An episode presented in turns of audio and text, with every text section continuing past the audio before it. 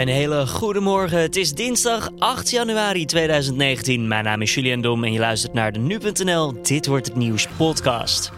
Kijk naar buiten en je ziet meteen dat het weer niet al te jovel eruit ziet. We krijgen vandaag te maken met stormachtige wind.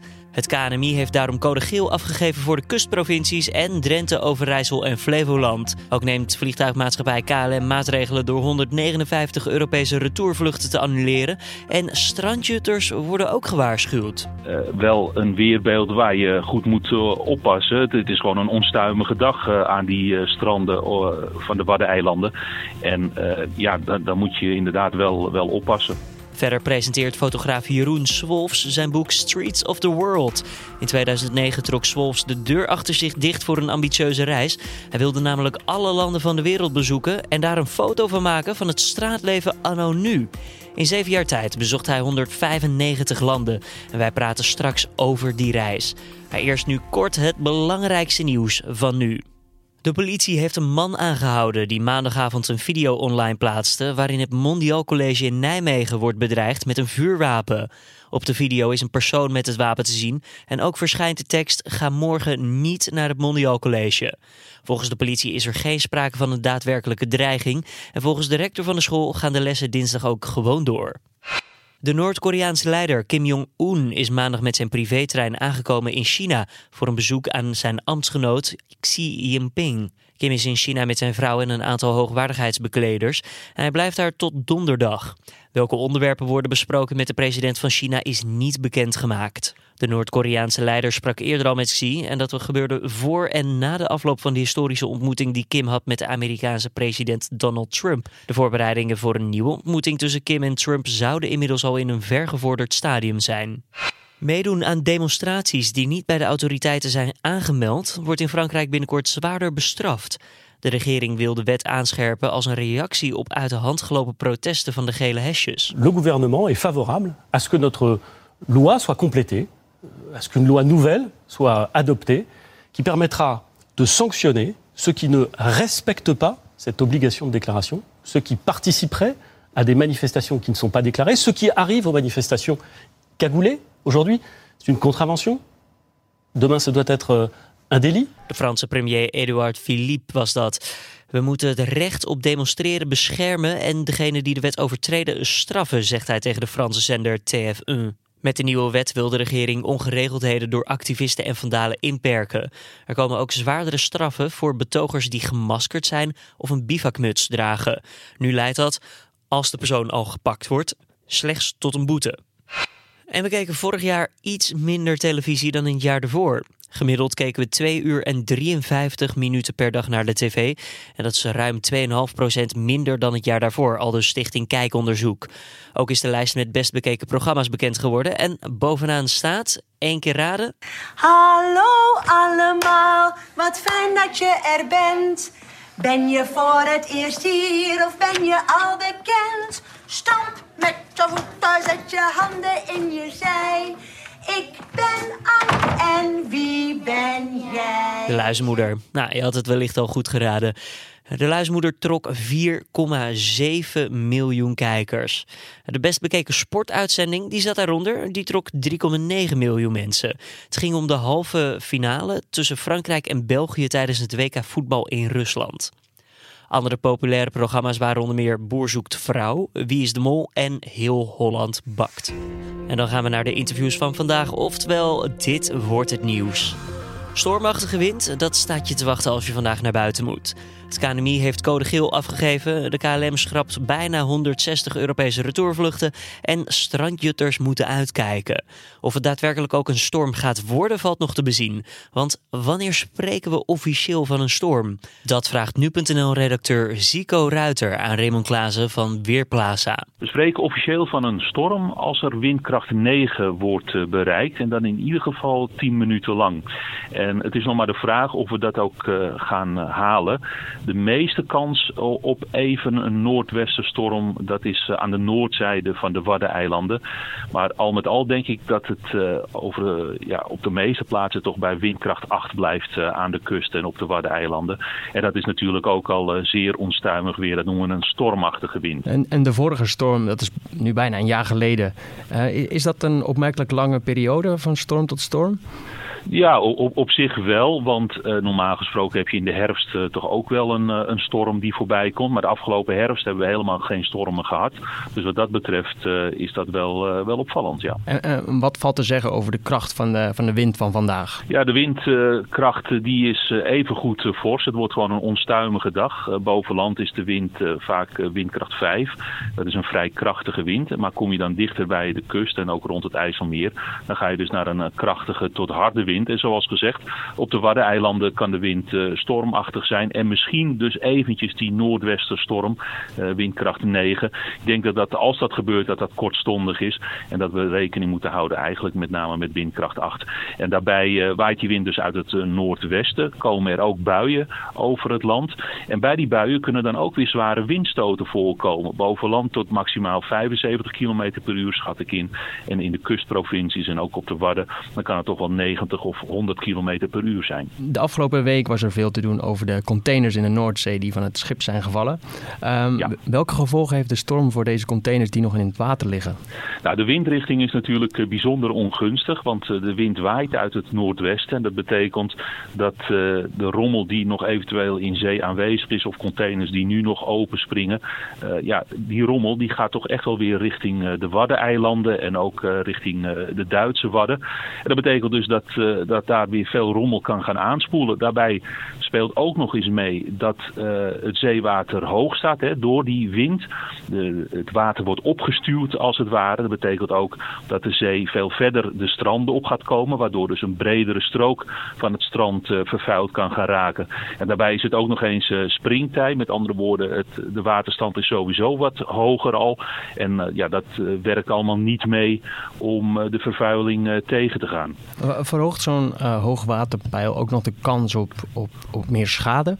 Uh, nou, dat, ja, dat, dat zou kunnen in combinatie met stormkracht wel natuurlijk. Want dan wordt het water nog verder opgestuurd uh, het, het, land op. Nou is het wel zo dat op, op de stranden uh, niet zozeer veel schade zal gaan ontstaan.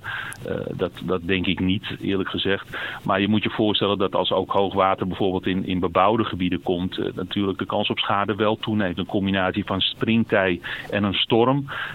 er kan ervoor zorgen dat er natuurlijk wel veel schade gaat, eh, gaat ontstaan. Maar nogmaals, ja, windkracht 8 uh, eh, is denk ik maximaal. Heel misschien even mhm. windkracht 9. Dus ik hou niet zozeer rekening met, met extra veel schade. Waar ik wel rekening mee zou houden is dus dat er een bredere strook van het strand vervuild kan raken. Omdat het water eenvoudigweg nu dichter bij de duinenrand kan komen. Uh, en moeten de strandjutters binnen blijven? Nou, daar ga ik natuurlijk niet over. Maar uh, het is natuurlijk uh, wel een weerbeeld waar je goed moet oppassen. Het, het, is gewoon een onstuimige dag aan die stranden van de Waddeneilanden. En ja, dan, dan, moet je inderdaad wel, wel oppassen. Maar nogmaals, daar ga ik verder niet, niet over. Het is, het is ook niet zo dat we echt uh, een orkaan of dat soort dingen nee. gaan verwachten. Dat niet. Noordwestenstorm, daar hebben de mensen op de Waddeneilanden wel vaker mee gedeeld. Dus die zullen daar niet uh, van opkijken. En als het windkracht 8 is, dan, uh, dan zeggen ze daar waarschijnlijk van... oh, het waait stevig buiten. verwacht je nog grote gevolgen voor het verkeer in de rest van het land? Nou, ik heb wel uh, voor de kustprovincies een waarschuwing uitstaan dat met name de windstoten in combinatie met de buien uh, echt wel hinderlijk kunnen zijn uh, voor het verkeer. Met name windstoten die toch boven de 90 km per uur uit kunnen komen in, in de kustprovincies, met name in het noordwesten. ja, dat, dat kan wel echt tot hinder leiden. Dus wat dat betreft moet het verkeer er wel rekening mee houden. En als je een flinke plensbui natuurlijk tijdens de ochtendspits over je heen krijgt, dan stroopt het verkeer ook altijd op. Wat dat betreft uh, verwacht ik uh, wel een, eh, een, zware spits vandaag. En alles bij elkaar, wordt dit een stormachtige dag waar we het nog vaak over zullen hebben? Nou, om de waarheid te zeggen, dat denk ik niet. Uh, of het moet in combinatie zijn met de vervuiling op de Waddeneilanden. Als het blijkt dat er vandaag weer heel veel uh, rotzooi uh, de Wadden komt opgespoeld, dan, dan zullen we daar nog wel aan, aan terugdenken. Maar echt een storm die de geschiedenis ingaat, in, de, in de boeken gaat, dat, dat verwacht ik niet hoor. Nee, het wordt gewoon een onstuimige dag. Zico Ruiter was dat in gesprek met Raymond Klaassen van Weerplaza. Fotograaf Jeroen Swolfs presenteert vandaag zijn boek Streets of the World. In 2009 begon Swolfs met de reis en hij wilde namelijk alle landen van de wereld bezoeken om er een foto te maken van het straatleven anno nu. In zeven jaar tijd bezocht hij vervolgens 195 landen. Dat zijn dus alle landen die internationaal erkend zijn. Wat was precies zijn doel achter het project Streets of the World? Dat vraagt Carne van der Brink aan Jeroen Swolfs. Ja, Streets of the World is eigenlijk een, ehm, een wereldwijd uh, fotografieproject waarvoor ik ehm, eh, naar 195 eh, landen ben gereisd in zeven jaar tijd om het, om het straatleven te fotograferen. Mhm. In 2009 ben je begonnen aan dit project. wat deed je hiervoor? Ja, voor Streets of the World was ik, ehm, was ik fotojournalist. Dus werkte ik voor, voor kranten en tijdschriften ook al veel op reis. En uh, tijdens die reis echter kwam ik erachter dat, uh, ja, dat er toch wel een hele hoop nadruk wordt gelegd in die media, waarvoor ik zelf ook toen werkte, op, op negatieve verhalen, negatieve berichtgeving. En ik zag ook hele andere dingen hè, op reis. Mm -hmm. Dus ik dacht, misschien is het, uh, misschien is het, uh, misschien is het een goed idee om, uh, om een project te gaan maken wat juist gaat over een wat positievere blik op de mensheid, op wat ons verbindt, wat we het zelf doen, de dingen die we delen als mensen op de wereld. En zo is Streets of the World eigenlijk ontstaan. En wat vind je nou zo belangrijk aan het project dat, dat je mensen wil meegeven? Je zei al de verbindenis. Is dat het nou het belangrijkst? Ja, nou ja, kijk, eigenlijk, de, ja, nou, dat is eigenlijk wat je ziet. Vind ik heel erg in het project. Maar waar het mij echt om gaat, is dat ik er ook, ook doordat ik zoveel gezien heb, maar dat ik ervoor ook wel, er wel van overtuigd ben dat de problemen die wij vandaag de dag hebben als mensen, en dat zijn er legio, um, dat, dat de enige manier om die echt grote problemen op te lossen is als we die als mensheid met elkaar uh, te lijf gaan. En dat uh, als je dat niet doet, dan gaat het gewoon ook niet lukken. En, en de laatste tijd wordt er toch heel veel nadruk gelegd, ook door politici, op het verdelen juist van groepen mensen.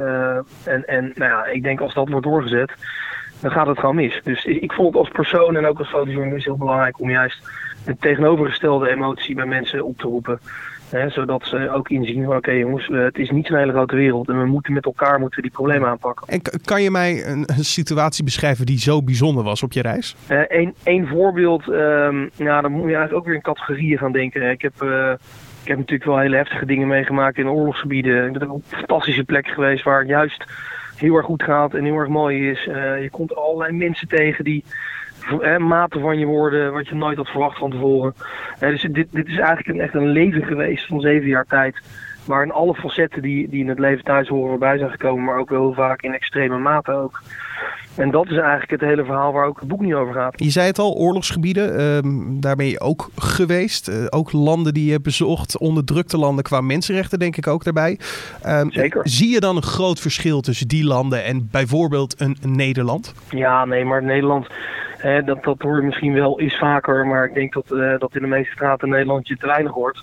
Is natuurlijk, Nederland is natuurlijk een fantastisch land. En mensen beseffen dat echt weinig, vind ik. Uh, ik denk dat het in de top 10 van landen hoort, zonder twijfel, waar het leven het allerbest is op de hele wereld.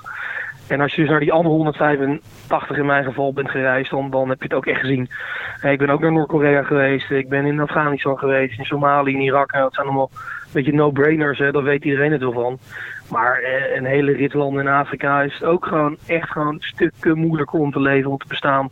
De kansen te krijgen die wij krijgen als Nederlanders. Mhm. nee, dus dus dat, is, dat besef is alleen maar uh, veel groter geworden bij mij. Probeer je dan over te dragen van joh, zo zien wij het? Of?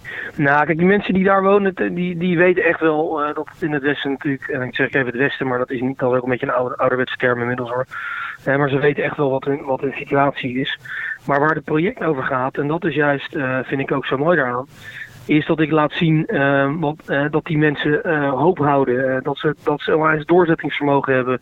Dat ze het niet opgeven. De enorme ja, de, de, de, veerbaarheid eigenlijk van, van de mens.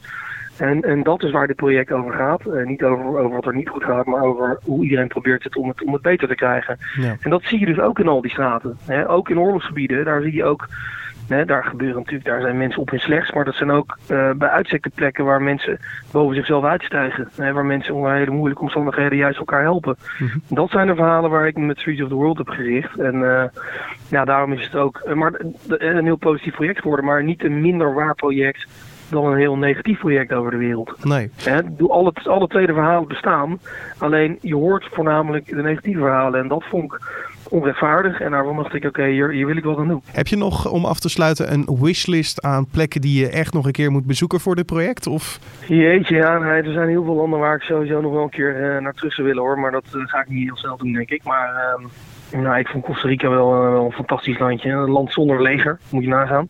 dus die besteden al dat geld aan groene energie. Het is ook een landje waar 98% geloof ik van de energie is duurzaam daar. Nou, daar kan je nog best wel wat van, op, van opsteken, denk ik, uh, als je kijkt hoe ze het aanpakken. Dus uh, als je nog echt per ergens wil, dan is, uh, is Costa Rica misschien wel een aanrader. Jeroen Swolfs was dat van Streets of the World. We mogen ook een exemplaar van dit fotoboek weggeven. Wat je daarvoor moet doen, antwoord geven op deze vraag. Wat was de mooiste of interessantste plek waar jij ooit bent geweest? Nou, heb je misschien een leuk verhaal erbij? Deel dat dan even met ons via mailtje. kan naar podcast.nu.nl. De winnaar krijgt uiterlijk donderdag bericht. Nou, we hebben het er al uitgebreid over gehad, maar toch nog eventjes kort het weer. De dag begint dus onstuimig met buien en mogelijk is er op de Wadden zelfs sprake van de eerste storm van het jaar. In de loop van de dag zal de wind langzaam afnemen. Het wordt zo'n 7 tot maximaal 8 graden. En dan nog eventjes een aanvullend nieuwtje over Kevin Spacey. Hij was gisteren al aanwezig bij de rechtbankzitting rondom vermeend misbruik. Kort daarna werd hij echter aangehouden door de politie. Alsof zijn dag niet slechter kon worden. Agenten hielden de auto van de acteur staande omdat Spacey met een te hoge snelheid zou zijn weggereden bij het vliegveld in Washington D.C. Videobeelden van die aanhouding zijn opgedoken op de Amerikaanse roddelwebsite TMZ. Spacey die met zijn advocaat in de auto zat, is er wel met een waarschuwing afgekomen. Ook de paparazzo die de boel filmde, kreeg een waarschuwing van de politie. Dat omdat hij zijn auto illegaal langs de kant van de weg had stilgezet om de boel op tape te zetten. En dit was dan de Dit Wordt Het Nieuws podcast van deze dinsdag 8 januari. Je vindt de podcast elke doordeweekse dag om 6 uur ochtends op de voorpagina van nu.nl. Wat vond je van deze aflevering? Laat het ons even weten via podcast.nu.nl of laat een reactie achter in je eigen favoriete podcast app. Mijn naam is Julian Dom en morgen spreek ik je hopelijk weer. Dus voor nu een goede dinsdag en tot morgen.